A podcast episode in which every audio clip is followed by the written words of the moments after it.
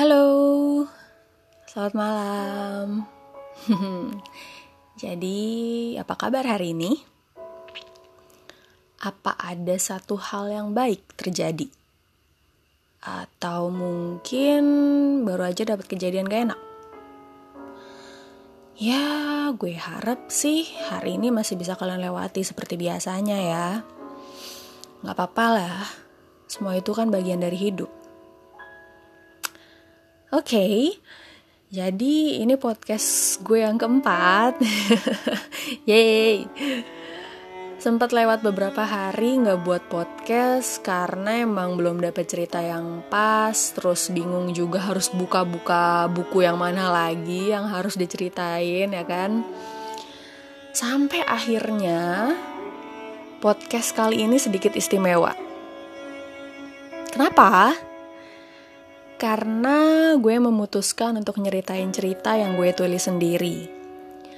Sebenarnya sih cerita ini juga based on true event ya. Jadi dari kejadian yang memang nyata sebenarnya terjadi. Tapi dengan penambahan di sana sini dan sedikit mengulik memori lagi di kotak memento kepala gue. dan ya, jadilah satu cerita lain penghantar kalian untuk tidur malam ini. Gue harap cerita ini bisa kalian dengarkan dengan baik, dirasakan dengan baik-baik, dan seperti tujuan gue dari awal ngebuat podcast. Semoga cerita kali ini membuat kalian nyaman untuk tidur. Okay? I hope you enjoy it.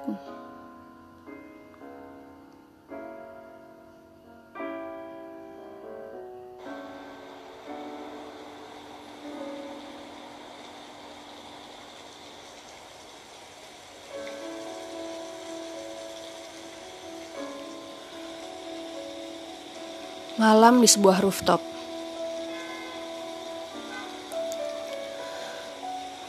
Malam itu Bandung diselimuti oleh udara dingin dengan hawa basah tipis yang menyapu kulit. Terasa dingin namun menyenangkan. Sebenarnya rintik gerimis pun masih betah membuat jalanan di Sabtu malam itu basah dan aroma air bercampur tanah itu seakan makin membuat aku betah berlama-lama menghirup udara Bandung kala itu. Hingga suatu ide muncul untuk kami naik ke atap paling atas hotel. Ya, sekedar menikmati pemandangan malam kota Bandung dari atas. Tidak ada yang istimewa dari atap itu. Hanya diberi sebuah kanopi, meja kayu panjang melintang dengan enam buah bangku plastik ala tukang baso berjajar rapi di, di tiap sisi kanan dan kiri. Di sudut kanan paling ujung itu ada beberapa tanaman yang sepertinya akan terus tumbuh meski luput dari perawatan. Sedangkan di ujung sebelah kiri ada sebuah ayunan kayu panjang yang mampu menampung dua orang. Tentu, ayunan itu yang menjadi target kita untuk duduk dan bercakap. Sekali dua kali aku membuat goyangan pada ayunan. Tapi kupikir dia tidak suka ayunan itu bergoyang. Tidak mungkin kan ayunan ini membuatnya vertigo. Keterlaluan. Keheningan masih menjadi pembuka di antara kami berdua. Sepertinya belum ada niatan dari kami untuk memulai suatu pembicaraan lain mengenai dunia. Entah sudah habis atau memang mengambil jeda dari segala pahit yang ada dan tak ada habisnya.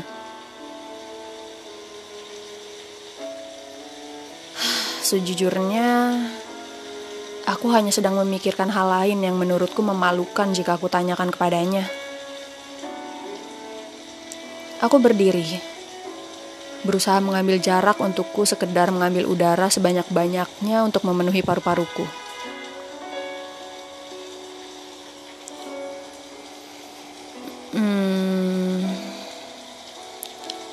Ada di pikiranmu. Dia menghampiriku yang sejenak menjauhinya dari ayunan besi panjang berwarna hitam. Aku memilih pagar balkon besi yang sedikit basah karena air hujan untuk menyangga tubuhku bersandar. Nothing. Terdengar sedikit dengusan kecil darinya setelah mendengar jawabanku. Bukan cuma kamu yang bisa baca seseorang. Aku pun bisa.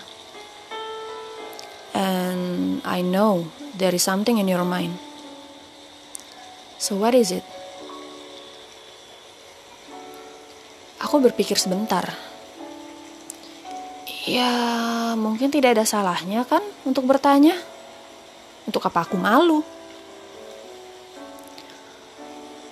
Oke, okay, um, cuma mikir apa sih istimewanya jadi cantik? Menurut persepsimu nih ya sebagai lelaki, cantik itu apa?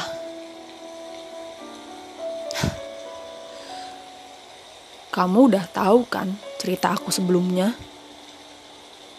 Cantik. Gak berarti banyak. Sama ketika aku tergoda sama cantiknya seseorang. Ngejar keindahan yang ada di mata sampai lupa. Kita jadi ngebuat luka di hati orang lain. Efeknya balik lagi ke aku kan? Sekarang justru aku yang terluka sendiri. Keheningan lain datang. Aku menghela nafas. Berkali menikmati udara dingin berhembus lembut seakan menepuk lapisan kulitku. Mataku menyapu semua pemandangan malam dari atas atap hotel. Tidak seperti Jakarta. Di sini tidak terlalu banyak gedung pecakar langit. Tapi sayangnya langit Bandung sudah melakukan perjanjian untuk sama-sama menyembunyikan bintang. Aku sedikit kecewa. Kualihkan kembali pandanganku kepadanya yang jemarinya sibuk mengeluarkan sebatang rokok dan menyulutnya. Entah sudah rokok keberapa yang ia hirup.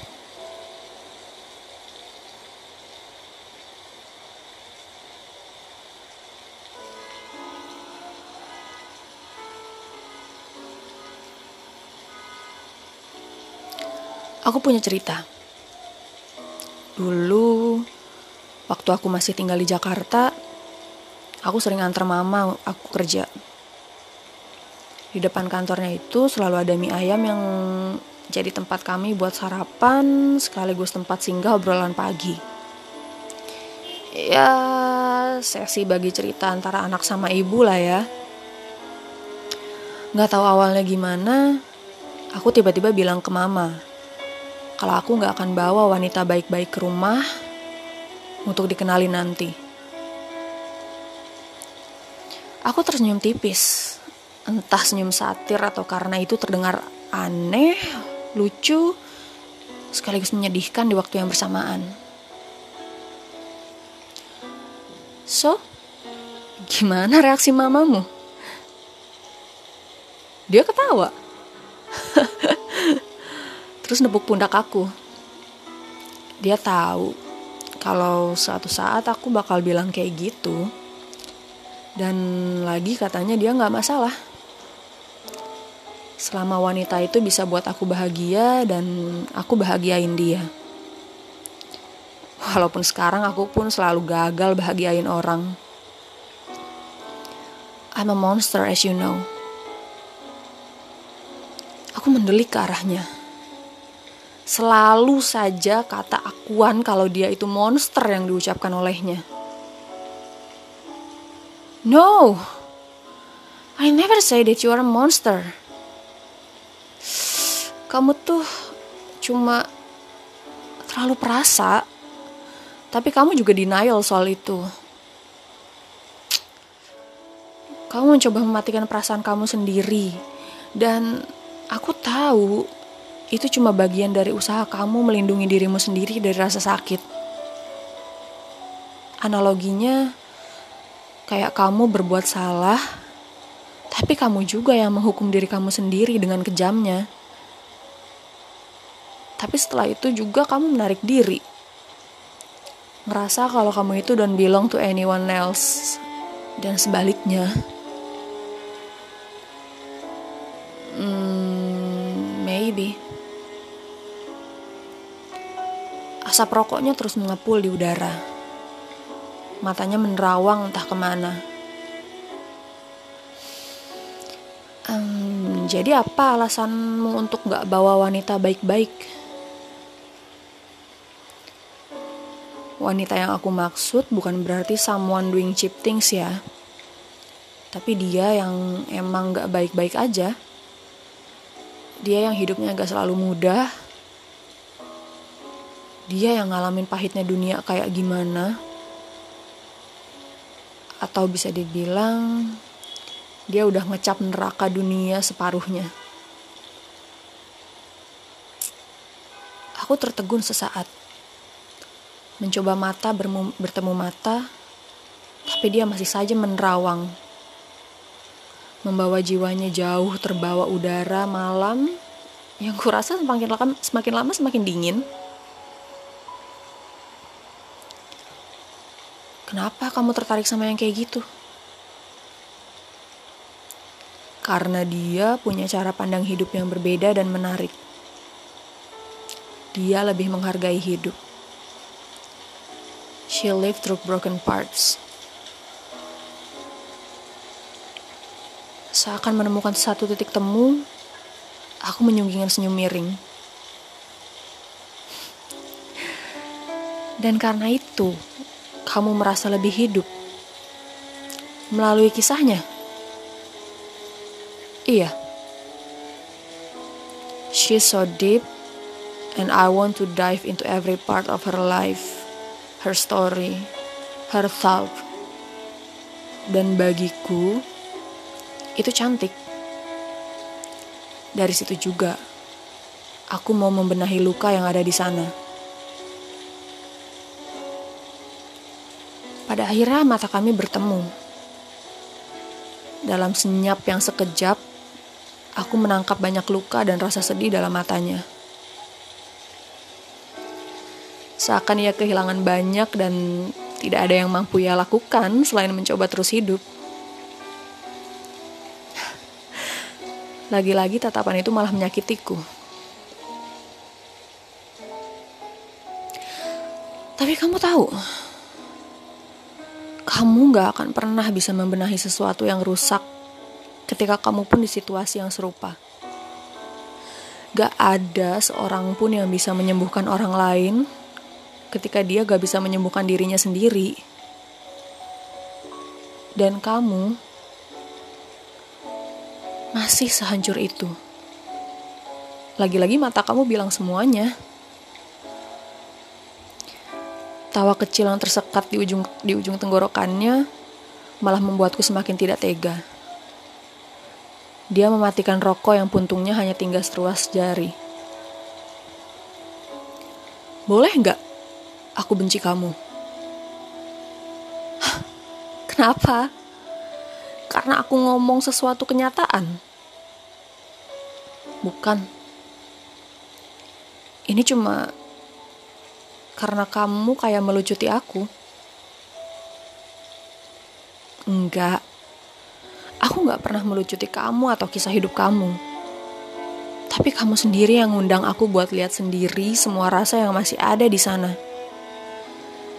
Jadi kamu pun gak ada pilihan buat membenci aku. You invite me first, and here I come. Can you stop hurting yourself?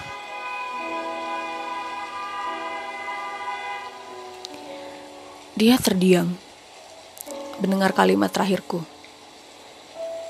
Seolah permintaan itu hal tersulit yang mustahil ia lakukan. Aku masih gak ngerti. Apa?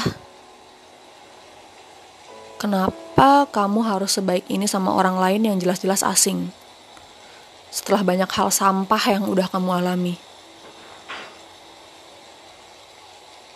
Kali ini aku yang mendengus mendengar ucapannya. Baik, apa iya? Hmm, karena mungkin aku juga nggak punya alasan untuk jadi jahat. Dan di sini, aku juga nggak punya apa-apa yang bisa aku tawarin ke orang lain. Selain waktu aku, telinga aku, dan mungkin tenaga aku juga. Dan itu pilihan aku.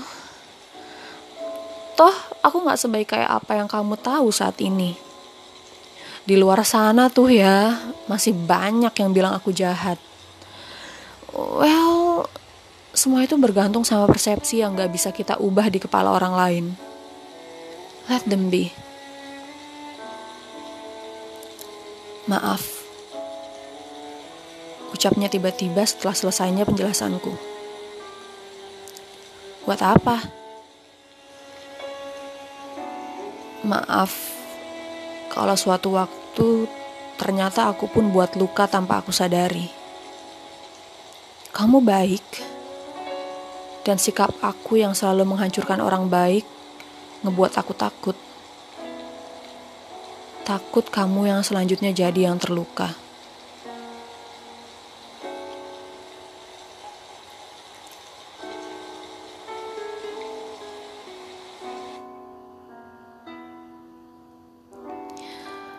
Bandung, 30 November 2018.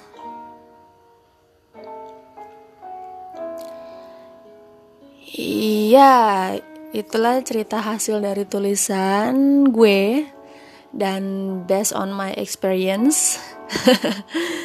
Sebenarnya tulisan ini juga udah pernah gue muat di akun IG gue, tapi bentuknya kayak snippet, jadi sekilas gitu aja sih dan gak sepanjang ini. Tapi karena di sini gue membacakan dengan suara gue sendiri tanpa ada pemeran pembantu, jadi gue usahakan untuk sedetail mungkin biar kalian gak bingung juga sih ngebedain sebenarnya siapa yang lagi ngomong. So, hmm, gimana untuk cerita kali ini? Cukup panjang loh ya. Bahasannya soal luka. Pernah ngerasa terluka banget karena seseorang? Atau coba diingat lagi. Pernah ngelukain orang lain sebegitu parahnya? Kalau iya, udah minta maaf. Karena barangkali luka yang lo terima hari ini adalah hasil dari luka yang kalian kasih ke orang lain. Semua yang ada di dunia emang gitu. Vice versa. Atau mungkin suatu luka yang kamu pikir hanya perubahan kecil, namun ternyata berkembang menjadi suatu kekacauan yang besar. A butterfly effect. Oke, okay, kalau gitu sekian podcast gue hari ini. Selamat menikmati hari Minggu malam Seninnya. Tetap semangat meskipun besok udah mulai ngebabu lagi. Selamat malam. Sampai ketemu di podcast selanjutnya. Bye.